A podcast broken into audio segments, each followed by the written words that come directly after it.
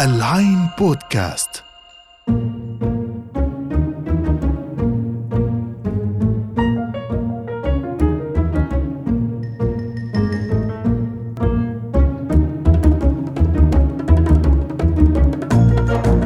أهلا وسهلا فيكم في حلقة جديدة من بودكاست التكنولوجيا بصمة تك. معكم يا شعشاعه وإبراهيم ملص أهلا إبراهيم شو الأخبار؟ والله تمام شو الأخبار؟ كله تمام التمام خبرنا. شوف اليوم نحن رح نحكي عن شيء من أخطر الأشياء اللي نحن ما فينا نعيش من دونها اليوم وهو الأمن السبراني cyber security حلو. خصوصا إنه هالأيام حياتنا كلها أونلاين يا جماعة الخير. أكيد. آه بنتنقل ما بين اللابتوب وعليه كل أشغالنا والموبايل اللي بيحمل صورنا وأسرارنا وكمان أموالنا في المحفظة الذكية وحسابات ال credit cards على صح. الإنترنت آه وكلمات السر تبعتنا مرفوعة كلها على ال cloud.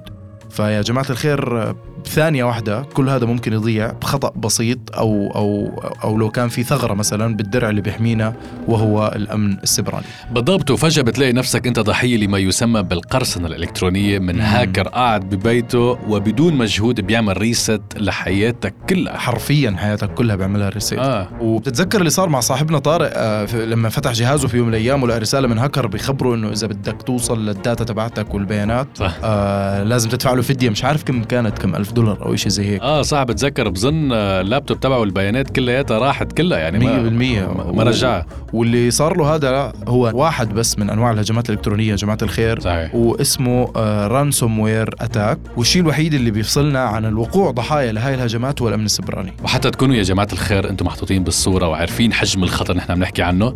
إحصائيات بتقول أنه هناك هجمة إلكترونية بتصير كل 39 ثانية والضحايا بتروح ما بين أفراد مؤسسات وحتى دول. أنتم متخيلين شو يعني تسعة كل 39 ثانية بيكون في هجمات وهاي الهجمات حصلت مش بس مع بشر عاديين صح. يعني صارت مع أهم الشركات العالمية آه. شركة ميتا نفسها آه. آه. فيسبوك سابقا آه في ديسمبر 2022 تعرضت لهجمات إلكترونية أدت لتسريب بيانات حوالي 500 مليون مستخدم وتم عرض هاي البيانات للبيع من قبل الهاكرز على ال dark web إبراهيم إذا بتتذكر الحادثة هاي آه يعني أنت مزاد مش مزاد- طبيعي مزاد تحس حالك سلعة ألف يعني آه، مزاد للبيانات عرفت بتفوت بدي بيانات هالشخص وهذا 100% من هون combination أما بالنسبة للدول اللي تعرضت للهجمات فهن كتار. من ابرزهم هيدي الهجمات اللي صارت ب Stuxnet بعام 2010 وهجمات DoS أو ال denial service بيوليو 2009 ضد كوريا الجنوبية والولايات المتحدة.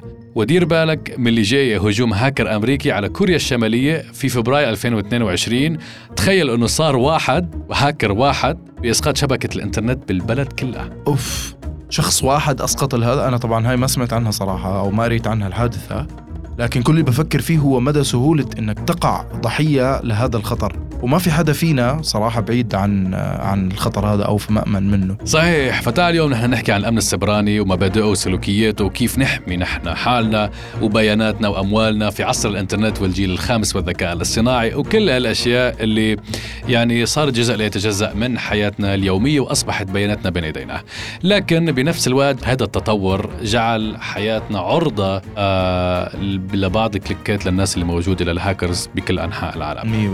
100% فمن دون ما نطول عليكم. خلينا نبلش معكم إبراهيم ملص وإياد شعشاع وهيدا بصمه تك من العين بودكاست.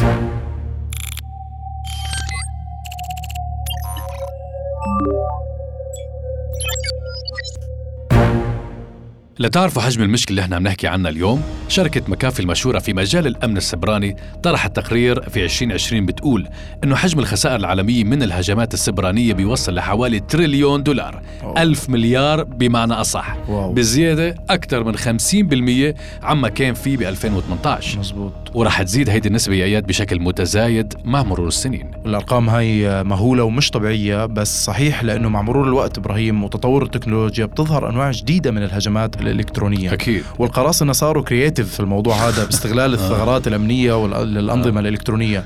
وكل يوم آه، بتظهر برامج جديدة لل hacking. لهيك على الناحية الأخرى بتسعى الدول إنها تستثمر في أنظمة الأمن السيبراني لحماية أنظمتها الحكومية وبيانات آه، شعوبها من التعرض لهيك هجمات. وكثير من آه، الشركات الكبيرة بتوظف هاكرز عندها ليحاولوا يخترقوا ال ال ال ال الأنظمة تاعتهم. ويكتشفوا الثغرات الموجودة فيه على على سيرة آه، كلمة creative اللي انت حكيتها صراحة دغري لمع براسي ChatGPT. تخيل يعني الهاكرز ممكن يطلبوا من ChatGPT إنه يعمل لهم برنامج يعمل hacking أوف. لأنه نحن شفنا ChatGPT قدر يعمل clone استنساخ كامل لمنصة تويتر. فتخيل هلأ نحن بنخلي الذكاء الاصطناعي يعملنا hacking للذكاء الاصطناعي. ما مش قادر أتخيل صراحة. نرجع للموضوع. اللي انت قلته تحديدا اللي صار آه، ب 2022 حجم أسواق أنظمة ال cyber security وصل إلى أكثر من 200 مليار دولار. وبالمتوقع إنه هذا الرقم رح يزيد ليوصل لنص تريليون دولار بحلول 2050 ويا ريت يكونوا بكفوا على فكرة. لأنه أكيد بتعرف إنه في cyber warfare صايرة.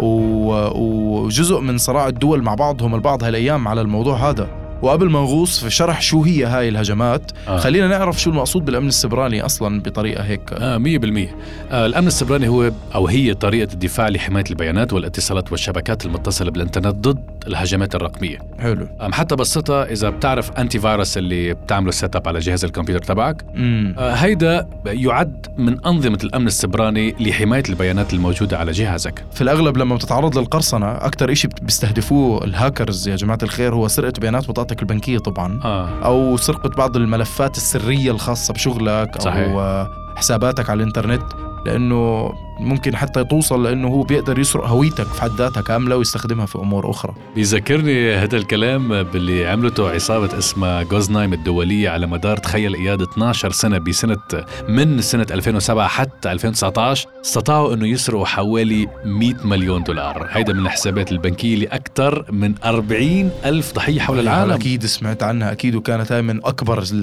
ال- السرقات اللي صارت.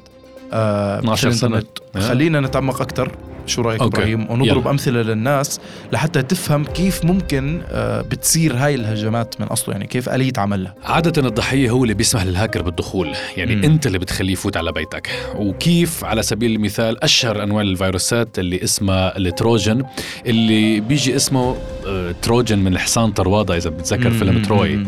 بمعنى إنه هو بيبعت لك برسالة أو إيميل وأول ما أنت بتفتحه للإيميل أو ال link هذا الفيروس بيكون قدر من خلاله يتسلل لجهازك وبيسيطر فيه على آه، المعلومات تبعتك فمعظم ال- الهجمات الإلكترونية بتتم بهيدي الطريقة. كلام صحيح 100% وهي أكثر طريقة شائعة حاليا. ولو ما كان عندك البرنامج تبع الأمن السيبراني على جهازك مثل ال firewall أو. ال antivirus راح تخسر كتير كتير كتير. صحيح الهجمات الإلكترونية هي بتتنوع ما بين ال ransomware اللي حكينا نحن عنه مم. قبل وهناك خدمات هجمات ال DoS أو ال denial of service وهيدي بتمنع المستخدمين الشرعيين من إنهم يوصلوا لموقع الويب عن طريق إغراقه بطلبات مزيفة وإجبار الموقع على التعامل مع هذه الطلبات هيدا النوع من الهجوم يستخدم لتعطيل العمليات والأنظمة الهامة ومنع الوصول إلى المواقع الحساسة سواء مواقع بنكية أو حكومية وكمان في الهجوم المعروف باسم التهديد المستمر المتقدم أو. ال APT اللي هو ال advanced persistent threat ومن خلاله بيقدر الهاكر إنه يتسلل إلى الشبكات أو الأنظمة آه. بدون آه ما حدا يكتشفه. وبيضل الفيروس آه أو ال bug هذا غير مكتشف لسنوات وسنوات على الجهاز. ومن خلاله بيتم اختراق أي أنظمة إلكترونية سواء كمبيوتر أو system حكومي أو شبكة بنوك لأنهم يسرقوا المعلومات الحساسة منها.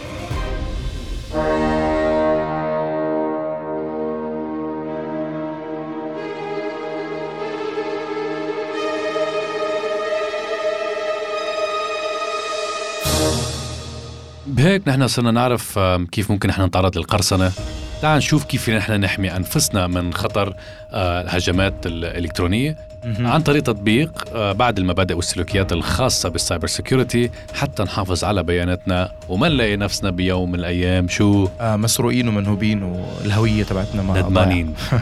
طيب أول خطوة إبراهيم شو هي كالعادة؟ يعني أي حدا أوكي على قد ما يا جماعة الخير ممكن تفكروا إنه الخطوة هاي بسيطة, بسيطة. بسيطة. لكنها فعلا مهمة جذرية فأول شيء لابد إنك تتأكد من إعدادات الخصوصية تبعتك على كل الأجهزة اللي أنت بتدخل آه، منها على الإنترنت عن طريق طبعا الإعدادات الخاصة آه، بالمتصفح تبعك أو الويب لازم تعمل turn off للمعلومات الشخصية اللي بتشاركها مع المواقع اللي بتدخل عليها تأكد أنه أجهزتك مثبت عليها ال firewall وبرنامج آه مقاوم فيروسات قوي مثل Kaspersky أو مم. Norton أو Bitdefender أو حتى آه McAfee وتأكد من تحديثهم باستمرار. ال update والتحديث تبعه يعني بخليه أو, أو, أو إذا ما عملته هذا ممكن يكون عكسي. أو أو حتى لازم تأكد إنك لسه مشترك فيه لأنه هو فترة وبخلص اشتراكه فهذا من الأمور المهمة.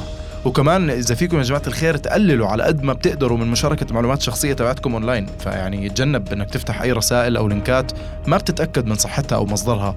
وكمان لا تقوم بإدخال أي USB flash drive على جهازك بدون ما تتأكد منه وتعمل scan لل viruses. exactly وحاول إنك أنت تجعل وسيلة دخول على حساباتك الشخصية أو البنكية مرتبطة بقياسات الحيوية مثل بصمة الإصبع بصمة الوجه أو فعل خاصية نظام التحقق الثنائي بمعنى أنك أنت لو بدك تفتح بريد الإلكتروني تبعك على جهازك الكمبيوتر لازم يجيك رسالة على تليفونك من خلال التطبيق تبع البريد الإلكتروني بيقول لك أنه هنالك محاولة دخول لكي أنت يعني توافق عليه وتشوفه.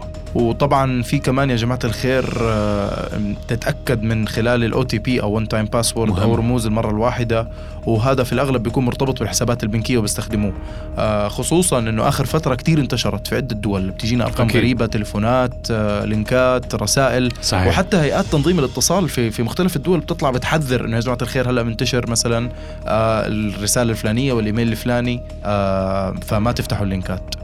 وهيدي كانت آخر نقطة معنا بهيدي الحلقة. ما تنسوا تعملوا download للحلقة واعملوا لها review لو عجبكم الكلام وخبرونا بالتعليقات. شو رأيكم أنتم بال cyber security هل أنتم تعرضتوا؟ خبرونا يعني هل أنتم صار عندكم سيناريو مع ال- القرصنة ولا لا؟ أتوقع minimum كل حدا فينا بيعرف حدا سرق أو انصب عليه من وراء وكات وعلى فكرة هل لازم نحكي شي يوم عن ال catfishing اللي الناس مم. اللي بتعمل hacking من وراء شخصيات بعض اللي اللي بي اللي بيشخصوا شخصية بالضبط. يسموها catfishing هذه لازم نتطرق لها بعدين. فعلا. وقبل ما تسكروا ما تنسوا like وال share وما تنسوا تسمعونا على صفحتنا الخاصة في موقع العين dot com slash podcast وعلى مختلف المنصات Apple Podcast Spotify Google Deezer أنغامي و SoundCloud كان معكم إبراهيم ملص. وأنا إياد شعشاعة كنا معكم في بودكاست بصمتك من العين بودكاست سلام.